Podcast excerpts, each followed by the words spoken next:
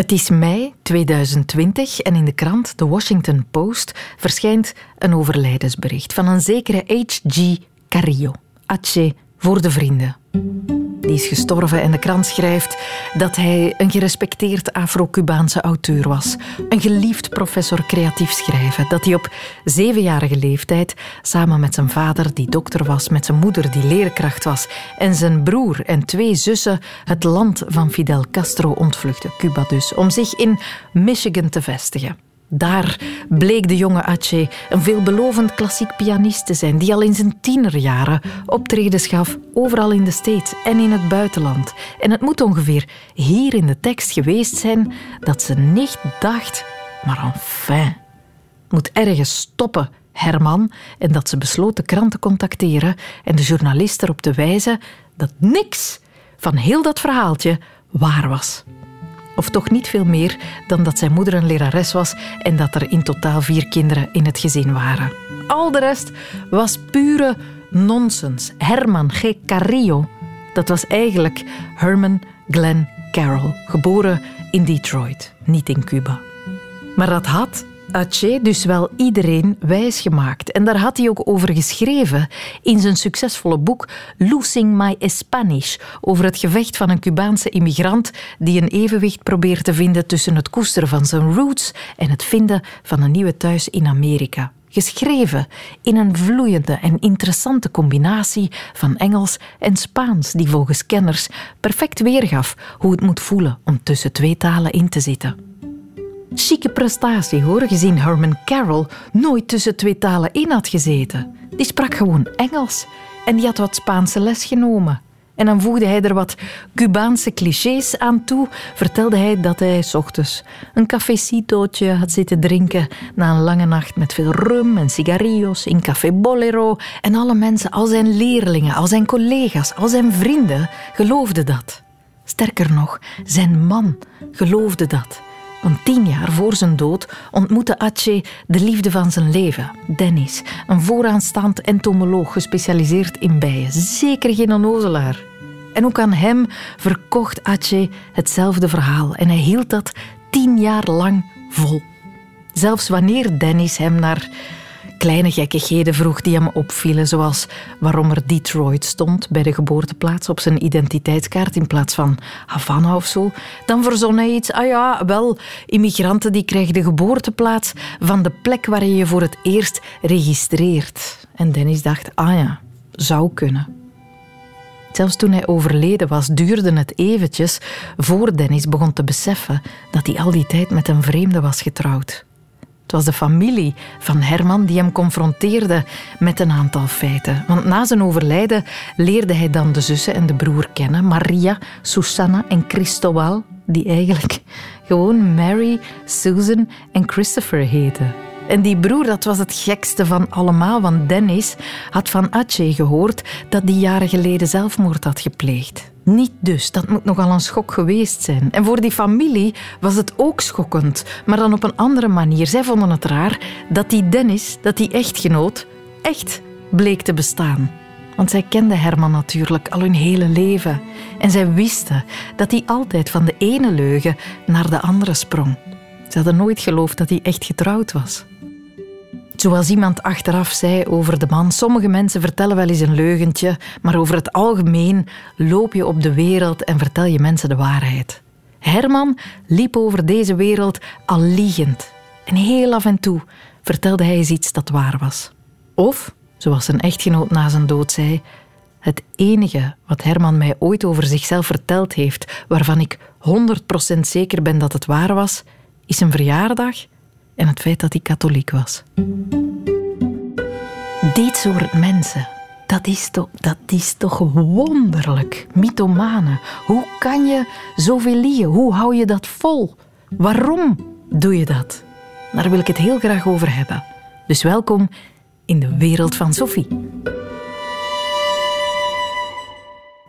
Nog zo'n strafvoorbeeld is het Amerikaanse Republikeinse parlementslid George Santos. 34 jaar oud, ligt geweldig onder vuur. Heeft op dit moment een onderzoek naar zich lopen door de ethische commissie van het Amerikaanse Huis van Afgevaardigden, omdat hij over nagenoeg ja, alles zijn hele leven gelogen heeft. Hij wordt omschreven als een pathologische leugenaar, een mythomaan. Maar wie is hij echt? Wel, als je zijn uh, hele naam bekijkt, uh, hij is van Braziliaanse afkomst en in Brazilië hebben ze de gewoonte om meerdere familienamen te gebruiken. En dan zie je dat hij George Anthony de Volder Santos uh, heet. En die de Volder valt natuurlijk op voor ons, want dat is een Vlaamse naam, dat is een Belgische naam. Mm -hmm. En hij heeft ook wel degelijk Vlaamse roots. Dit is Bert de Vroei, journalist bij de buitenlandredactie van VRT Nieuws en Amerika-kenner. Maar wat hij zelf zegt over zijn afkomst, dat is dat zijn grootvader Oekraïens was en Joods ook. En dat hij voor het antisemitisme is gevlucht in de jaren 30 uit Oekraïne, in België uh, is komen wonen. Daar zijn moeder heeft leren kennen.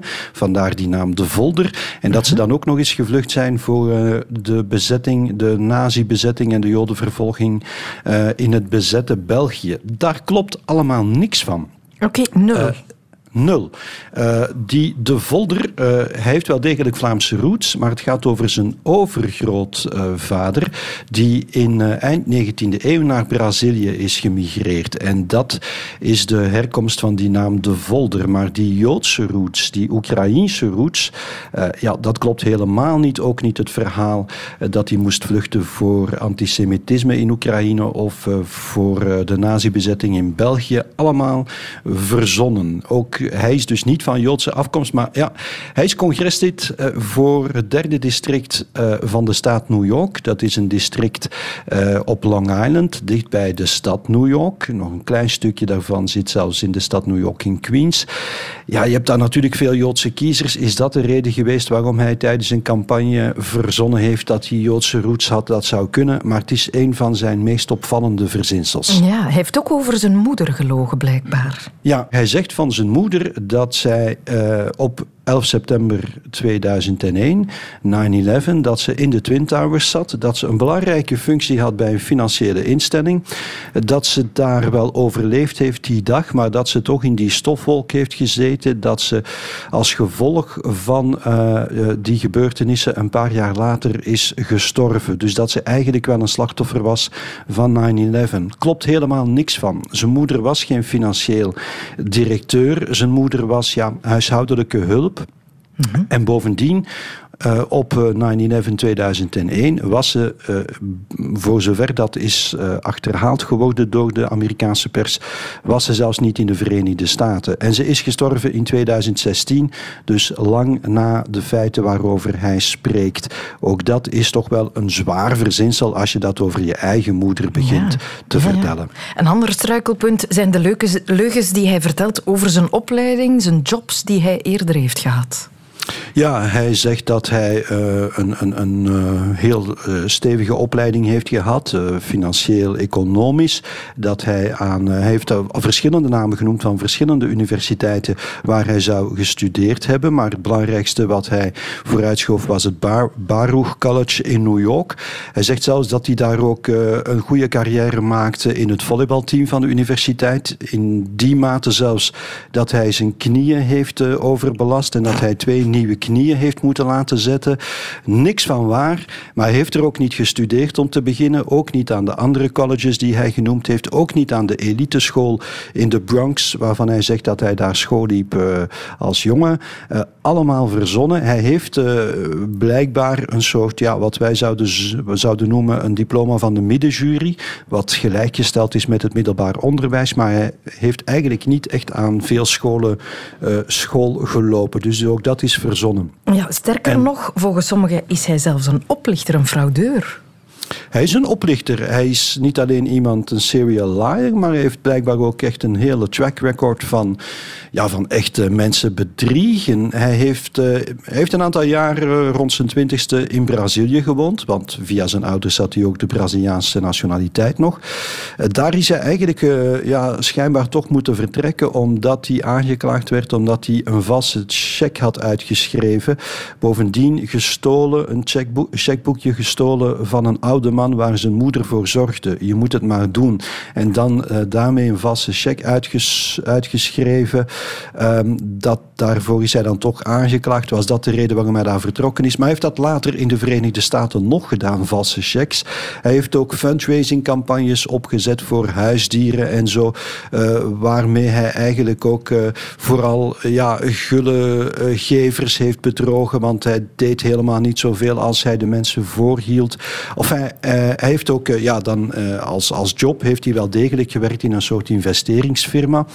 Maar hij heeft ook daar valse beweringen, uh, valse dingen beweert. Bijvoorbeeld dat hij een fonds beheerde van anderhalf miljard dollar, was niks van waar. Hij heeft op die manier mensen geld afgetroggeld. Uh, en, en ook daar ja, een, een soort serial liar en bedrieger, fraudeur kan je dat ook al wel noemen. Dus niet alleen leugens waar hij zomaar wat dingen verzint, maar ook echt wel leugens waarmee hij mensen bedrogen heeft. En hij, heeft daar, hij trouwens een aantal keren ook ook veroordeeld. Boetes uh, zijn hem opgelegd. Heeft hij ook niet altijd betaald. Hij is uit zijn huis gezet wegens wanbetalen van de huur. Hij liegt ook over zijn waar hij woont en zo. Het, het, het houdt niet op. Eigenlijk als straf dat die man verkozen raakt. Absoluut. En ik denk dat je dat eh, niet anders kan begrijpen dan in het huidige klimaat van alternative facts. Hè.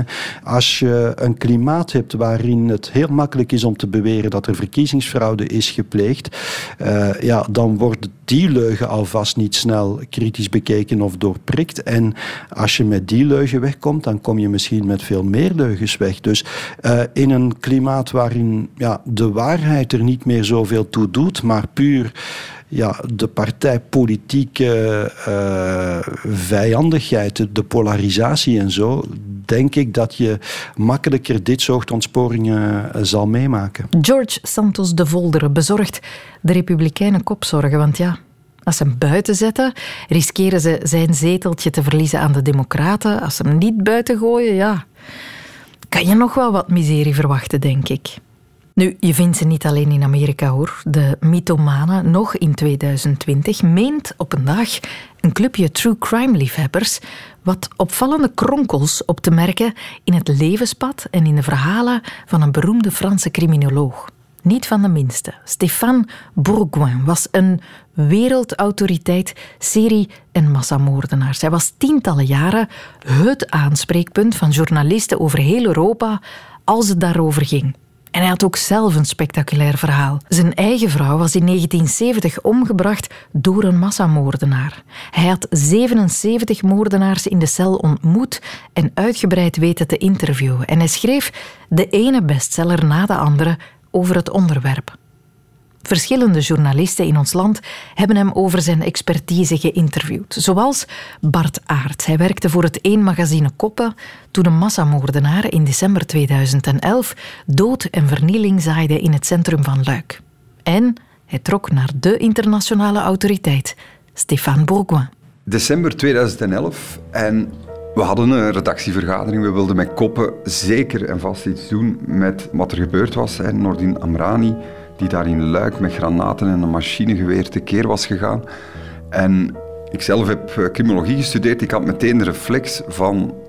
Ik moet eens bellen met Stéphane Bourgoin. Want dat is ja, toch wel de expert van de seriemoordenaars, maar ook over massamoordenaars bleek hij ontzettend veel te weten. Nordin Amrani vermoordt vijf mensen en doodt ook zichzelf. De stad Luik en het hele land zijn in rouw. Als criminoloog was ik al met zijn boeken in aanraking gekomen. Ik had er een aantal gelezen ook. En ja, dat was toch wel iemand geen wetenschapper, maar toch wel iemand waarvan we zeiden in de criminologie van dat is wel een expert. Wat hij gedaan had was indrukwekkend tientallen boeken geschreven en ook tientallen serie- en massamoordenaars geïnterviewd, ondervraagd in de cel. Wat hij dus ook beweerde was dat zijn eigen vrouw vermoord was. En wat hij daarover vertelde, ja, je had eigenlijk geen reden om dat in vraag te stellen. Bourgoin woont in Parijs. Hij heeft verschillende serie- en massamoordenaars ontmoet. Hij schreef er ook boeken over en maakte documentaires. In zekere zin kijk je daar wel naar op, omdat je, dat je denkt van ja, de manier waarop hij het formuleert ook. Hè, want je kan heel wijs zijn, heel veel weten, maar hij kon het ook wel formuleren. Hij bracht het wel op een manier die, die ja, best wel spannend was en best wel geloofwaardig ook. En dus in die zin keek ik er wel wat naar op. Ja. Opvallend is hoe goed hij ook nu op de hoogte is. Nordine Amrani, comme d'autres tueurs de masse, est ce que je considère un suicidaire extraverti. Hij ontving ons in zijn huis, een indrukwekkend huis, uh, in een buitenwijk in Parijs met een, een mij, een, grote veranda, heel veel licht. Het uh, was meteen de plek waar de cameraman van zei van hier gaan we het doen, mooi een indrukwekkende bibliotheek, vooral zijn eigen boeken. Hij begon ook meteen te vertellen over zijn expertise en wat hij allemaal nog onderzocht had en wat hij in tussentijd, de tijd die we nodig hadden om tot bij hem te geraken, nog allemaal had opgezocht. Pour eux, les victimes ne sont pas des personnes humaines. Elles sont totalement chosifiées et dépersonnalisées. Ik heb hier op mijn laptop nog het uh, volledig uitgeschreven uh, interview teruggevonden. Ah. Met tijdscodes en al. Ja, ik was wel onder de indruk. En van wat hij allemaal wist te vertellen. Uh, we hadden dan de gewoonte om de goede quotes hè, met drie sterretjes uh, aan te duiden. Ja, dat zijn er wel wat. Dus veel meer dan we uiteindelijk hebben kunnen verwerken in de reportage. C'est terrible à dire pour les proches de victimes, mais les victimes ne sont là que pour mettre en scène leur propre mort à ces tueurs de masse. Zeer gedetailleerd. Hij verwees naar bijvoorbeeld de, de moorden van Columbine uh, op een manier met details dat je niet anders kunt dan, dan onder de indruk zijn. Nu moeten we een sprong maken, hè? Bart. Van vele jaren uh, later komt daar plots een zeer verrassend bericht. Un tissu de mensonges. Stéphane Bourgoin n'aurait en fait jamais été formé au FBI, comme il le dit. Il n'aurait jamais rencontré 77 tueurs en série, comme il le prétendait. Et sa première femme, qu'il disait avoir été assassinée par un tueur en série, n'aurait jamais existé. Ja, dat was toch wel even een shock, omdat dat is nu echt iemand uh, waar ik van kan zeggen dat ik in mijn journalistieke carrière geen moment aan getwijfeld heb. J'ai honte d'avoir menti, d'avoir dissimulé des choses. Hij heeft uh, van alles verzonnen, onder andere het feit dat zijn eigen partner was uh, vermoord. Dat bleek niet te kloppen. En ja, die 77 moordenaars, ja, dat bleek ook niet, niet waar te zijn. En dan dacht ik achteraf, ik me echt wel uh, tegen het hoofd geslaan van dit hadden we eigenlijk moeten en kunnen weten. Want 77 uh, moordenaars gaan opzoeken in de cel en gaan interviewen, ja, dat doe je niet zomaar. Ik heb zelf voor Pano ooit uh, Freddy Orion gaan interviewen in, in de gevangenis. Ja, daar gaat vijf jaar lang contact met de man zelf en met de gevangenis aan vooraf om uiteindelijk te kunnen met een camera binnengaan en, en een interview te gaan doen. Dus de meest gerenommeerde professionele profiler van seriemoordenaars, die had nog maar 36 uh, van die moordenaars kunnen interviewen en dat was zijn dagelijkse job. Dus dat is iets dat het collectief dat hem uiteindelijk ontmaskerd heeft, een aantal uh, jongeren die zeiden van ja, klopt toch niet wat die allemaal beweert, hadden ook in zijn boeken inconsistenties gevonden en data die niet klopten en zo. En dan dacht ik ja, in feite heb ik mijn job als journalist, als criminoloog ook, ik voelde me eigenlijk twee keer uh, in de zak gezet, zeg maar niet goed gedaan, hè? want ja, je zou moeten gaan, gaan checken van... Klopt het allemaal wel wat die man beweert? Is dit eigenlijk wel de expert die we, die we moeten opvoeren? Dus ja, dat was toch uh, even hard. Het, blijft toch wel een, klein beetje frank, moet ik zeggen. Mais les victimes ne sont là que pour mettre en scène leur propre mort à ces tueurs de masse. Et elles sont là pour servir uniquement de cible. Zeggen, ik heb er geen trauma aan overgehouden natuurlijk. Ik heb me wel de vraag gesteld van hoe kunnen we dat in de toekomst vermijden? En dat is een moeilijke, want als je effectief iedereen, alle gerenommeerde experts die je opvoert, moet gaan, gaan, gaan checken en dubbelchecken, ja, dan, dan ben je de hele dag bezig. Dus dat is een moeilijke. Maar ik denk wel dat het vaker gebeurt op een veel onschuldiger manier. Dat er experts worden opgevoerd die misschien toch niet de expert zijn. In die zin heeft het wel iets veranderd voor mij als journalist, dat wellicht iets harder ging nadenken uh, hoe en wanneer uh, ik iemand opvoerde in, in een verhaal en, en toch iets meer onderzoek proberen te doen um, om, om, om dan te beslissen van we gaan die of die gaan opvoeren. Ik denk dat dat ook een beetje een probleem is, dat we telkens als media, als journalisten bij dezelfde stemmen, bij dezelfde experts, uh, we weten dat allemaal, maar soms door de tijdsdruk en, en maar ik denk dat het wel nuttig is om uh, als journalist voortdurend op zoek te gaan naar nieuwe stemmen. Mensen die uh, net een onderzoek hebben afgerond en, en, en nieuwe uh, expertise naar boven brengen. En dat gebeurt uiteraard wel, hè. maar misschien toch nog iets te weinig en misschien toch nog iets te snel grijpen we dan naar diezelfde expert. Ik moet eerlijk zeggen, Bart, toen ik je belde, dat ik had verwacht dat je zou zeggen ik wil daar niet over praten. Is, is daar schaamte bij op een of andere manier? Nee, eigenlijk niet. Eigenlijk niet, omdat ik het heel belangrijk vind dat we als journalisten daar ook eerlijk in zijn. We moeten durven toegeven wanneer we zelf in de fout gaan, door bijvoorbeeld de foute mensen op te voeren. Um, want als we dat niet doen en we gaan dat zelf ook een beetje uh, verdoezelen, ja, dan, dan verliezen we aan geloofwaardigheid. Ik denk net door onze job dag in dag uit zo correct mogelijk te doen en ook toe te geven wanneer het al eens misgaat, dat dat de beste manier is om naar buiten te treden. Want ik denk dat ja, de geloofwaardigheid van de media, zeker in deze tijden, met heel veel fout en fake news, ja, dat het toch wel eh, enige moed vergt misschien om, om dat te doen. Maar schamen doe ik me daar niet voor, omdat ik ook wel me sterk maak van je zou het een uitschuiver kunnen noemen, maar het is niet zo dat ik dat zo heel vaak heb meegemaakt in mijn carrière, dat ik, uh, dat ik zoiets heb uh, ja, mis ingeschat, zeg maar. Dus ja, vertellen, ervan leren, en zeker ook aan, aan, aan uh, journalisten in spe, in de toekomst ja, toch iets aandachtiger te zijn.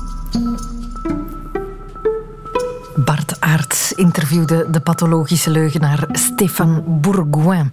Vertelde zijn verhaal tegen Wart Bogaert. Wart, die ontmaskering, dat is intussen drie jaar geleden. Wat doet de man vandaag? het is heel stil rond de man. Hij heeft een interview gegeven aan uh, Le Parisien, waarin hij ogenschijnlijk zeer kalm, zeer rustig alles toegeeft dat het niet waar is dat uh, zijn vrouw ooit vermoord is door een seriemoordenaar, dat het niet waar is dat hij al die seriemoordenaars heeft ontmoet, dat het niet waar is dat hij Charles Manson heeft ontmoet, dat beweerde hij ook al die tijd. Hij zegt, hij geeft dat allemaal toe, ik heb dat allemaal verzonnen, ik heb gelogen, mijn excuses, maar dan blijft natuurlijk de vraag, ja, waarom doe je dat? Ja, ja. En daar heeft hij zo zijn eigen theorie over. Quelqu'un qui est insatisfait. J'ai toujours eu le sentiment profond de ne pas vraiment être aimé, y compris de, surtout dans mon travail et tout. J'ai l'impression que j'en ai pas fait assez et j'ai toujours eu euh, ce complexe de ne pas être à la hauteur. Ja, de kwaliteit is niet uh, fantastisch, maar hij zegt: Ik ben iemand die eeuwig ontevreden is. Ik heb het gevoel, zegt hij ook, dat ik niet geliefd ben. Oh. Ik heb zeker in mijn werk, zegt hij, de indruk dat ik niet genoeg gedaan heb en dat ik nooit genoeg kan doen, dat ik nooit genoeg op de hoogte was van mijn onderwerp. En zo heeft hij zich ja, helemaal vastgereden natuurlijk. Hè. En dat was dus ja, die toegeving, dat besef, dat was meteen het einde van die periode van 30 jaar. En je kan je dan ook nog afvragen, hoe voelt dat voor zo iemand? C'est vrai que ça me pesait énormément depuis 2-3 ans.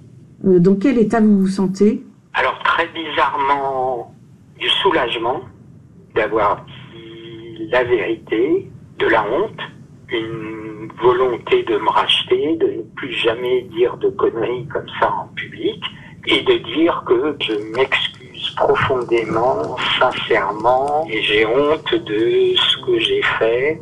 En plus, c'est absolument ridicule. Ja. Het woog al twee, drie jaar enorm op me. Mm -hmm. Dus die ontmaskering heeft hem misschien wel deugd gedaan uh, op, op een of andere manier. Het was een opluchting om eindelijk de waarheid te kunnen zeggen. En ik voel heel veel schaamte, zegt hij. En ik heb ook de vaste wil om geen rol meer te spelen hè, uh, in het publiek, om niet meer mezelf uh, te kunnen zijn. En ook wil ik deze gelegenheid aannemen, zegt hij, om me oprecht te verontschuldigen en te zeggen dat ik me schaam en dat ik me ridicuul heb gedragen. Oh, dat is, dat is nu toch wel heel aandoenlijk dat die man gewoon geliefd wilde zijn.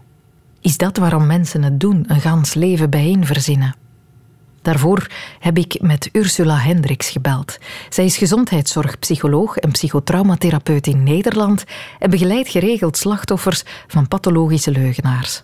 We spreken van een pathologische leugenaar wanneer iemand ziekelijk vaak liegt. En, en dan ook niet alleen over een feit, maar kunnen eigenlijk hele verhalen vertellen over een eigen leven die niet kloppen. Daar heb je, heb je net eigenlijk ook al voorbeelden van genoemd. Um, het is ook echt beduidend anders dan gewoon liegen. Een pathologisch leugenaar liegt zeer regelmatig, over van alles. Ehm, hij of zij weet wel vaak wel dat hij liegt, maar op den duur lijkt hij in zijn eigen verhalen te geloven. Mhm. En vaak zijn het inderdaad hè, gedetailleerde, fantasieruike leugens die ergens ook te mooi zijn om waar te zijn. Waarom doet men dat dan? Om zichzelf beter voor te stellen dan ze Ja. in werkelijkheid zijn? Vaak wel. Kijk, je kan, kijk, er zijn ook vers- verschillende, hè, dat wisselt per persoon, maar in, je zou kunnen zeggen dat een pathologisch leugenaar zich in het algemeen gewoon graag beter voordoet. Hè, ehm, waardoor daar dus dingen verzint over opleiding, baan, verleden, maar dat kan ook over allerlei andere zaken zijn. Waardoor je er eigenlijk beter op staat hè, of beter interessanter lijkt dan de gemiddelde, eh, de gemiddelde mens. Ehm, dus eigenlijk inderdaad om bijzonderder te lijken of om aandacht te krijgen, waardering, eh, dat soort zaken. Ja. Kan je het een persoonlijkheidsstoornis noemen? Ja, dat is een goede vraag. Nou, ik, moet zeggen, over pa- pathologisch liegen is eh, relatief weinig onderzoek gedaan als je kijkt naar de, binnen de psychologie en de psychiatrie als verschijnsel. Eh, maar eh, het, zoals het er nu naar uitziet, bestaat het als apart verschijnsel, maar komt het zeer geregeld voor in het kader van een persoonlijkheidsstoornis. En dan moet je denken aan mensen met wat antisociale trekken, eh, een narcistische, narcistische persoonlijkheid of soms ook bij borderline eh, persoonlijkheidstrekken. Let wel, dat wil niet zeggen dat iedereen die zo'n persoonlijkheidsstoornis of trekken heeft, dat die ook pathologisch liegt. Maar je ziet wel, hè, en vooral in gevallen van dat mensen dus eh, heel veel liegen en dat er ook ander gedrag bij hoort, waarvan je kan zeggen, nou, daar, zou zeker sprake kunnen van kunnen zijn van een persoonlijkheidsstoornis. Ja, als ik die verhalen zo hoor waar we het nu net over hadden, dat klinkt me zo stresserend om voortdurend een verhaal te moeten in stand houden, zorgen dat de details blijven kloppen en zo. Ervaren die mensen ook stress van hun eigen verzinsels? Hey, dat is eh, dat niet zo, waarschijnlijk niet zoals wij dat zouden hebben. Hè. Wij zouden inderdaad helemaal gestrest van worden. Het lijkt erop, uit onderzoek lijkt het erop dat zij dat minder, eh, dat, dat bij hen dat minder sprake van is. Ehm, misschien op sommige momenten wel, maar doorgaans gaat het hem behoorlijk makkelijk, lijkt het hem behoorlijk makkelijk af te gaan om te liegen. Dus ehm, je zou kunnen zeggen, het stresssysteem werkt bij, bij hen daarin anders. Ehm, hè, wij zouden inderdaad, als wij echt een duidelijke leugen vertellen, bij spreken ons al opgelaten kunnen voelen. Maar bij hen is dat niet zo. Want ze, ja, ze hebben er eigenlijk een soort heel leven al om, omheen gefabriceerd. En ehm, zijn daar, lijken daar in ieder geval ook in te zijn gaan geloven. Dus het gaat dan eigenlijk steeds makkelijker af. Valt het te behandelen? Stel dat iemand, ja, na, iemands leugens worden na jaren doorprikt. Kan die dan Ja. bij de therapeut gaan en dat afleren? Nou ja, het zou, het zou in theorie kunnen, maar dan moet het echt zo zijn dat die pathologisch leugenaar zozeer door de mand is gevallen en zozeer, de, hij moet zelf echt vanuit zichzelf ook de motivatie hebben om er wat aan te doen. En niet zozeer dat de omgeving zegt, hè, als je betrapt bent en dan komt natuurlijk van alles op je af. Hè, als het duidelijk is dat je door een man bent gevallen, ja, dan kun je het wel lastig krijgen, want Ehm, en dan komt er steeds meer negatieve aandacht naar iemand toe. Dus daar kan die persoon wel last van krijgen. Ehm, maar dan nog heeft het alleen zin om, je, om je in behandeling te gaan of om iemand te behandelen als hij ook ergens zelf voelt, ja, dit moet nu echt anders. Als die niet ook bij de therapeut begint verhaaltjes te verzinnen, want dat weet je dan ook precies, niet. Hè? Want je weet alsnog niet. Ik heb ooit iemand gesproken en ik denk, ja, hoe weet ik nou of die nu tegen mij wel of niet liegt? Dat weet je op dat moment. Ja, je kan het wel, je zou het kunnen vermoeden. Klopt. Eh, soms zie je ook dat mensen wel in behandeling gaan, maar dan voor de omgeving. Dat ze kunnen zeggen, ja zie je, maar ik ben nu toch in therapie. Ik werk eraan. Ehm, maar ja, dan is de vraag of er echt aan gewerkt wordt. Of dat ze dat doen om inderdaad eh, ja, eh, ook gedoe te vermijden. Of te laten zien van hoe gemotiveerd zij zijn. Jazeker, natuurlijk, natuurlijk. Die zal zich waarschijnlijk, kijk, het zijn veronderstellingen, maar je kon ook veronderstellen dat iemand zich enorm verraden voelt. En hè, ook inderdaad voelt van ik heb een leugen geleefd. En ehm, eh, ja, inderdaad. En daar ook enorm, ook niet alleen de rouw om het overlijden van iemand, maar ook de rouw om, ja, met wie was ik nu eigenlijk eh, getrouwd? En waarom heeft die persoon dat allemaal zo gedaan? Durfde die niet, of kon die niet eerlijk zijn aan mij toe? Ja, dus dat heeft een enorme impact. Daar moet iemand ook echt veel ehm, ja, tijd voor nemen om daar goed van bij te komen en eh, te herstellen. Want dat is, eh, want in een relatie zoek je verbinding en openheid en vertrouwen juist. En dat is dan natuurlijk enorm beschaamd. Ja, ja, ja je gaat je waarschijnlijk ook zelf schamen van hoe, hoe dom kon ik zijn. Ja, inderdaad hoor. Dat zie je heel vaak. Dat mensen zich, het, het eerst bij zichzelf gaan zoeken van wat maakt dat ik erin getrapt ben. En dat, hoe kon ik zo dom zijn. Dus dat ze het heel erg op zichzelf gaan betrekken. Ja, en dat is inderdaad jammer, want het zegt alles over de persoon. Het zegt niets over, echt feitelijk niets over de partner. Want bij een andere partner had hè, de betreffende leugenaar dat, of de betreffende persoon dat ook gedaan. Dus het zegt alles over iemand zelf Mhm. en hoe hij in zijn vel zit en niet zozeer over de partner. Nee, het zegt dus niks over jou. Stel dat jij het bent hè, die belogen is geweest. Wij mensen, wij zijn gewoon belachelijk slecht in leugens detecteren. Allemaal. Zelfs mensen als politieagenten, rechercheurs, eh, douaniers, rechters, mensen die professioneel geacht worden in staat te zijn om een zwanzer te onderscheiden, zelfs zij kunnen het niet. Dat vertelde Sophie van der Zee. Zij doet onderzoek naar leugendetectie aan de Erasmus Hogeschool in Rotterdam. Nou, ik weet niet of het helemaal niet kan, maar het is heel erg moeilijk in de praktijk in ieder geval. Want wat je bijvoorbeeld ziet op het moment dat je bij de douane werkt, is dat je eh, helemaal niet zo'n goede feedback krijgt of, of je wat je hebt gedaan eigenlijk goed is gedaan. Want op het moment dat jij zegt dat iemand door mag lopen en het blijkt later, eh, of tenminste, en eh, dat was eigenlijk iemand die, die iets kwaads in de zin had of iets meesmokkelde, dan kom je daar heel vaak niet achter. Dan kom je alleen maar achter als het echt valikant misgaat. Maar meestal is dat helemaal niet zo. Jij onderzoekt het dag in dag uit. Heb je het gevoel dat jij ondertussen beter een leugenaar kan detecteren? Nee, nee, helemaal niet. Wauw. en, en, demotiverend? nee, helemaal niet. Nee, eh, zeker niet. Dus we zien eigenlijk uit al die experimenten dat we doen... dat mensen niet heel veel beter zijn dan wat wij noemen kansniveau. Dus op het moment dat de helft van de mensen een waarheid... en de helft van de mensen een leugen vertelt... dat is dus een 50-50 verdeling, 50-50. En dan verwacht je eigenlijk op het moment dat je gewoon een muntje opgooit... of je, je gokt willekeurig... dan verwacht je dat je het ongeveer de helft van de keren goed hebt. En als we nou proefpersonen instrueren om zo goed mogelijk na te denken... en op iemand te letten, naar wat ze zeggen, hoe ze zich gedragen... eh, en, en nou, erover na te denken en, en bij stil te staan... dan zien we eigenlijk dat ze eh, gemiddeld, nou, als je alle elkaar optelt... ongeveer op 3, 54 procent uitkomen. Ja. Dus helemaal niet zoveel beter dan dat ze gewoon een muntje hadden opgegooid en niet eens hadden geluisterd. En zo van die dingen als eh, niet in de ogen durven kijken, eh, heel wat uh, frunniken aan je kleren, weet ik veel, stopwoordjes gebruiken, zijn dat geen weggevers? Nee, dat zijn individuele verschillen. Dus de een die doet dat überhaupt meer dan de ander. Maar bijvoorbeeld wegkijken, daarvan weten we dat dat geen teken is van liegen. Terwijl in de populaire media kom je die wel heel vaak tegen. Of bijvoorbeeld naar de linkerbovenhoek kijken. Mm-hmm. Daar is geen wetenschappelijk bewijs voor. Je kan het gewoon niet weten. Dat is slecht nieuws, enerzijds. Het is ook goed nieuws. Namelijk, het leert ons dat wij eigenlijk heel veel vertrouwen hebben in de wereld om ons heen.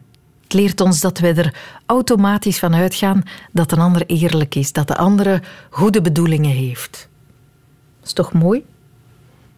Alleen geven we op die manier de mythomaan vrij spel. En op die manier trappen we dus blindelings in de meest waanzinnige verzinsels. Nog één zo'n waanzinnig verhaal kent Vincent. Misschien wel het toppunt van mythomanie? Het zou wel kunnen, ja. Voor dat verhaal moeten we in ieder geval terug acht jaar in de tijd naar 11 juni 2015. Meer bepaald naar de Amerikaanse staat Washington. Want daar geeft de zwarte mensenrechtenactiviste Rachel Dolezal een televisie-interview. Een interview voor het gebouw van de National Association for the Advancement of Colored People. Zeg maar de Amerikaanse Vereniging voor Mensen van Kleur.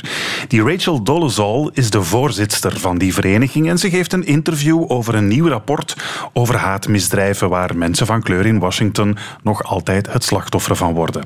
Een interview zoals Rachel Dolezal er elke week wel één geeft. Alles verloopt vlot tot de interviewer plots een foto boven haalt van een zwarte, wat grijzende man, een zekere Albert. En die reporter voorzichtig bij Rachel polst of die Albert op de foto haar vader is. This man right here is your father? Yeah, that's that's my dad. Right there? You have a question about that? Yes, ma'am. Jazeker, zegt Rachel, dat is mijn papa. Wat, wat, is er met hem misschien? Het lijkt wel of die reporter iets over die Albert ontdekt heeft. Want hij stuurt wel ergens op aan. Maar hoe dan ook, raar om in deze context over haar vader te beginnen. Want ja. Rachel staat daar natuurlijk als voorzitter van haar minderhedenbeweging. En ze is trouwens niet alleen de baas van de lokale burgerrechtenbeweging, die Rachel. Ze is ook docent Afro-Amerikaanse geschiedenis aan de lokale universiteit. Ze is ook kunstenaar. Ze is een activiste die geregeld protestacties organiseert voor Black Lives Matter. Ze is twee jaar lang opleidingshoofd geweest van het Mensenrechteninstituut van de staat Idaho. En ze schrijft elke week een column in een plaatselijk weekblad waarin ze de achterstelling van Afro-Amerikanen aanklaagt. En ze is ook aangesteld in een commissie die moet toezien op de lokale politie en specifiek op het gebruik van geweld op mensen met kleur. Kortom... Schone cv. Ja, Rachel Dolezal is een gerespecteerd lid van de zwarte gemeenschap in de staat Washington. Daags na dat televisie-interview trouwens moet ze speechen tijdens het eindejaarsfeest van de Eastern Washington University, de universiteit waar ze zelf haar diploma Afro-Amerikaanse geschiedenis heeft behaald, op uitdrukkelijk verzoek van de zwarte studenten die in haar als alumni van de UNIF een rolmodel zien. Maar die speech is morgen pas. Nu staat Rachel Dolezal dus op de stoep voor de burgerrechtenvereniging waar ze voorzitter van is en krijgt ze dus plots een vraag over haar vader. Maar wat is het nu dat die reporter wil weten? This man right here is your father? Yeah, that's that's my dad. Right there? You have a question about that? Yes, ma'am. I was wondering if uh, if your dad really is an African American man. That's a very. I mean, I don't I don't know what you're implying. Hoezo, waar doel je op, reageert Rachel. Je ziet toch zelf ook dat mijn vader zwart is? Maar de reporter is nog niet klaar met zijn ondervraging. Are you African American? I don't I don't understand the question of. I did tell you that yes, that's my dad. Ben jij wel Afro-Amerikaans? vraagt de man aan een overduidelijk zwarte vrouw. Ja, Rachel die weet niet meer wat te antwoorden. Ik heb toch al gezegd dat mijn vader, dat, dat die, die foto dat dat mijn vader is. Maar de meest bizarre vraag over haar ouders, die moet nog komen. Are your parents are they white? I, I, re, I re, Zijn je ouders misschien wit? Vraagt de man. Ja? En Rachel, ja, Rachel is zo verbouwereerd dat ze het interview afbreekt en wegwandelt. Want wat vroeg die gast nu? Are they white? Zijn je ouders wit? vraagt hij aan een zwarte vrouw. Verwarrend interview. Ja, dat kan je wel zeggen. En het wordt diezelfde avond nog meer verwarrend wanneer Rachel haar ouders een interview ziet geven in een talkshow op tv.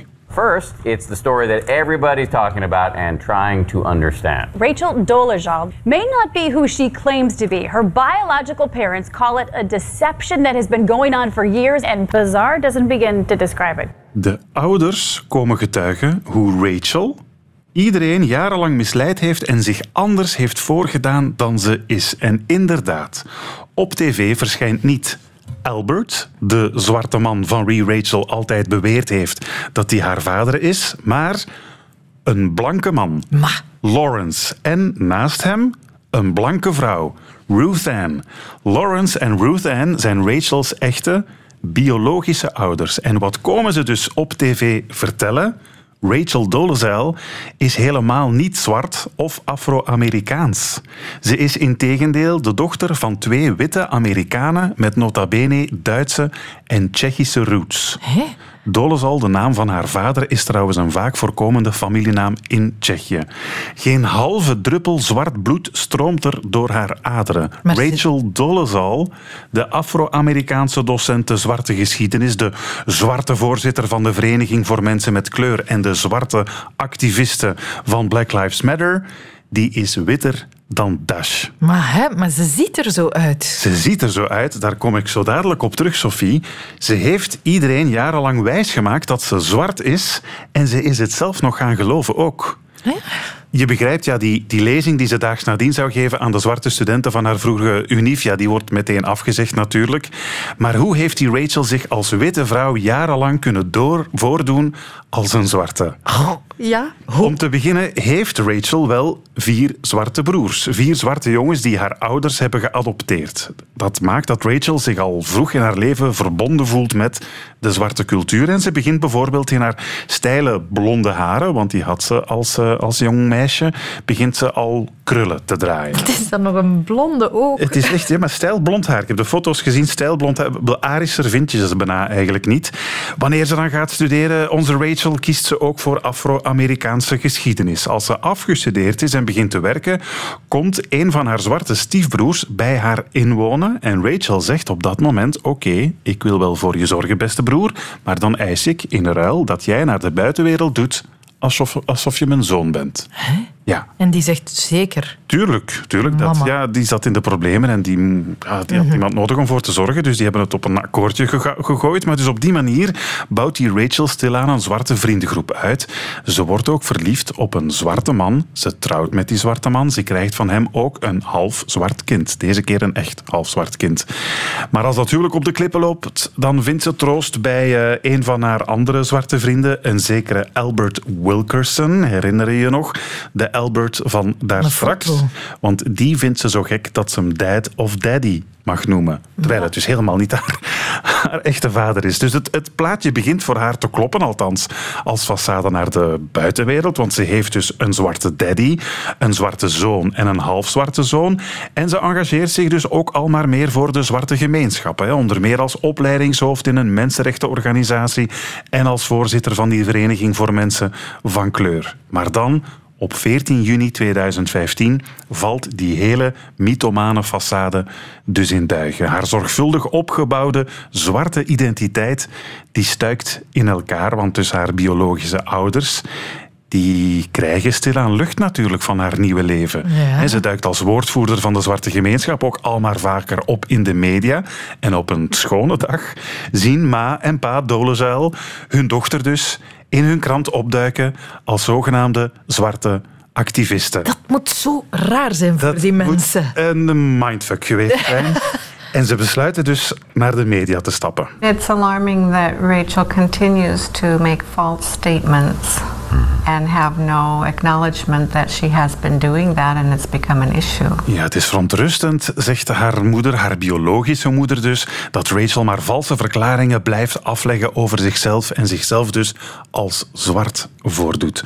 Want het zijn niet gewoon een paar leugens. Hè. Ze is een echte mythomaan, Rachel, want er zit in al dat liegen duidelijk een patroon.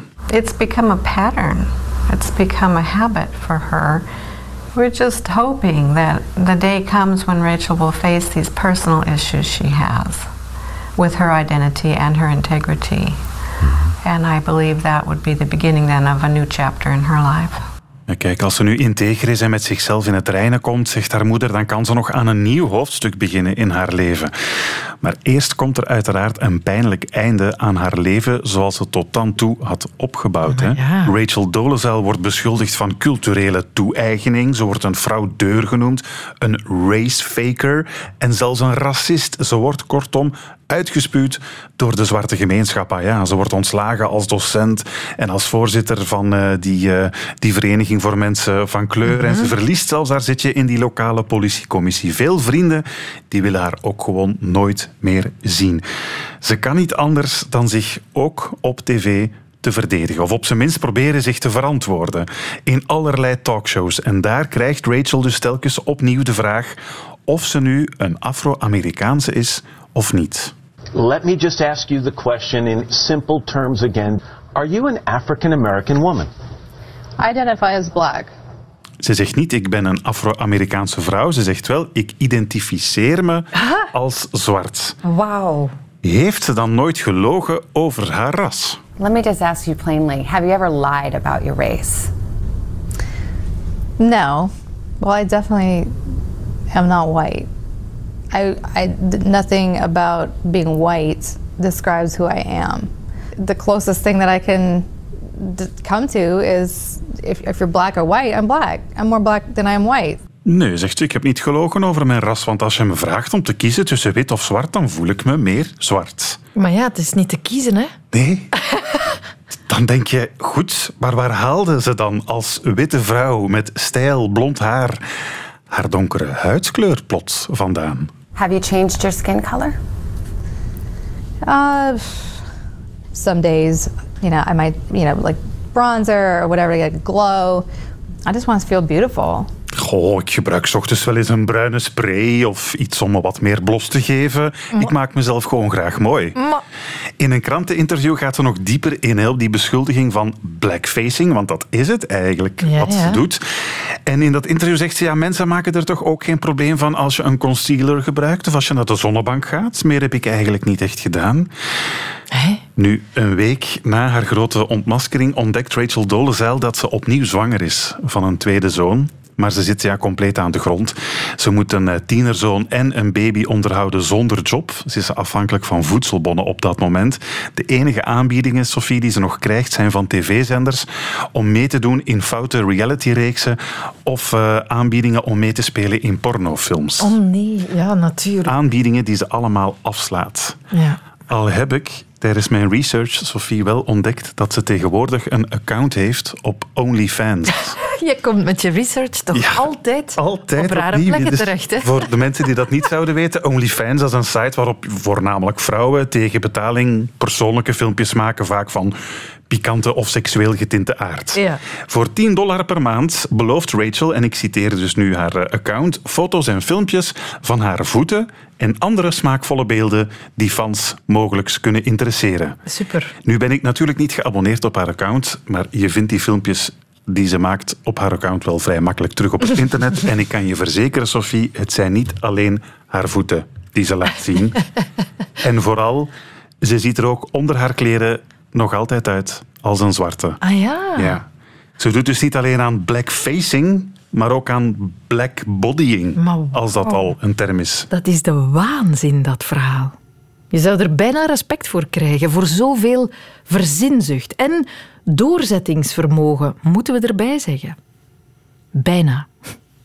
We vertelden deze verhalen onlangs op de radio, want de wereld van Sophie is dus ook elke dag op de radio te horen, telkens van 10 tot 12 op Radio 1, check it out. En terwijl wij ons verbaasden over al die extreme leugenaars, kreeg ik een berichtje van René, die net heel erg begreep waarom sommige mensen dat doen.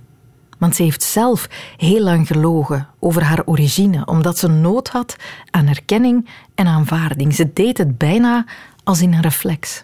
We liegen vandaag de dag tien keren, wetenschappelijk bewezen. Ik denk dat ik misschien iets meer lieg, omdat ik bepaalde vragen vermijd of eigenlijk ook geen zin heb om dieper in te gaan. Ik lieg om maatschappelijk ook soms aanvaard te worden. Als geadopteerd meisje binnen een eh, eigenlijk heel white privilege school ben ik altijd opgevoed met heel eh, sterke waarden en normen, maar je wilt erbij horen.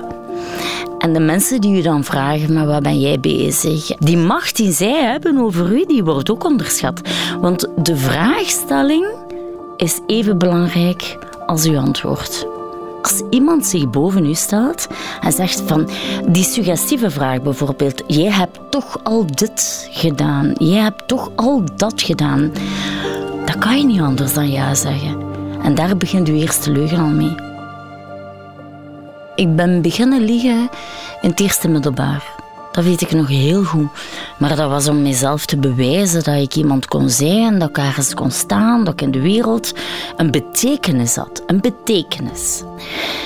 En dat is begonnen met eigenlijk, eh, iedereen had hobby's waar dat hij in uitblonk. En ik als jong meisje, ik zat ook al een jaar te vroeg op het middelbaar. En eh, dan, dan was dat voor mij van, oeh, ik ben elf jaar, iedereen is hier twaalf. Ik wil hier ook wel iets kunnen aantonen. Dat ik, en ik verzon, out of the blue, dat ik schaatskampioenwedstrijd ging doen. Schaatsen. Schaatsen. Hoe vaak had jij op dat moment al schaatsen aan je voeten gehad? Eh, ik denk twee keer en altijd op mijn gat beland. En dat is natuurlijk binnen de twee, drie maanden was, dat- was die leugen al uitgekomen. Maar dan toch, je blijft liegen, hè? Ja? Dat is zot. Dat is echt zot. Je Dus blijft je- je- zoeken naar aandacht en bevestiging. Ja. Uit onzekerheid. Ik neem aan dat jij, eh, je haalt het daarnet aan als uh, geadopteerd kind dat jij heel vaak de vraag hebt gekregen waar kom jij vandaan? Ja. Loog je daar dan ook over? Ja, heel zeker. Op bepaald moment uh, zeiden de mensen tegen mij, oudere mensen, die zagen mij van, ben je Portugees? En door dat woordje Portugees, Portugal ligt binnen Europa, had ik zoiets van, oh, yes, ja. Ik ben Europees. Ik ga ja zeggen op die vraag. Dan voel ik me meer aanvaard en ik ga vanaf nu beginnen verkondigen dat ik eigenlijk Portugees ben. Dat is, dat is toegankelijker voor iedereen. Ik behoor bij de eerste generatie eigenlijk geadopteerde mensen binnen België. En dan zit het toch wel van, oh ja, ik ben de enige donkere in de klas. Ik ben de enige donkere in school ook soms vaak. En dan merk je zo van, ja, het is gemakkelijker om gewoon te zeggen ik ben van Portugal. Dan begin je dat ook op te zoeken. India als een link met Portugal, de kolonies. En dan was dat zo geloofwaardig. En dan begin je eigenlijk te geloven in je eigen leugens. Ik begon een stad uit te vinden. Porto, waar ik vandaan kwam. Ik begon het vissersdorpje in mijn hoofd uit te vinden.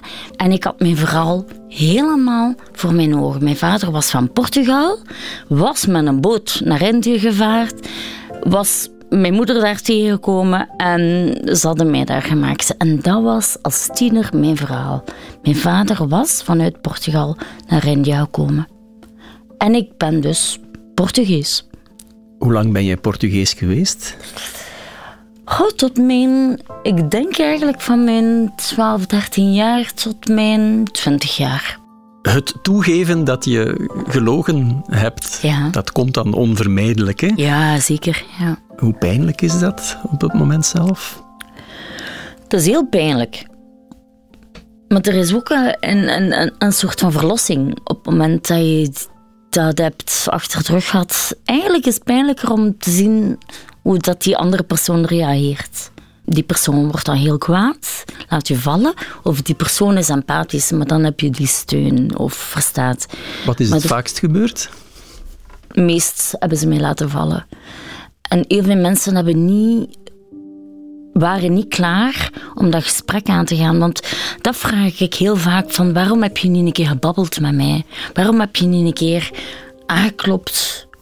Want mocht ik nu tot op de dag van vandaag een vriend of een vriendin hebben die liegt tegen mij, dan zou ik zeggen van oké, wat is er gebeurd? Waarom heb je het gevoel gehad dat je moest liegen tegen mij? Mocht iemand liegen tegen mij, zou ik ze zelfs niet eens kwalijk nemen. Als er iets is wat ik mezelf enorm noem, is empathisch. En als iemand liegt tegen mij, zal het wel voor een reden zijn. Ofwel dat die persoon niet wil dat ik het weet, Ofwel omdat die persoon iets te verbergen heeft dat te hard is of te fel is of te emotioneel geladen is. Omdat ik daar zelf heb bij staan. En ik, ga, ik ben de laatste om te oordelen. Door een leugen heb je een beetje kracht om jezelf te vergoeilijken. Dat klinkt raar en ik wil niemand verdedigen die, die liegt, want ik, ik zit hier nu zelf ook te zeggen dat ik lieg. Maar uh, ik veroordeel geen leugenaars, omdat ik zelf weet hoe moeilijk dat soms is in onze maatschappij om er te staan of om recht in de ogen te kijken van iemand en te zeggen van nu sta ik er, nu ben ik er. Dat is een hele moeilijke. Ik vind dat dus keimoedig, hè?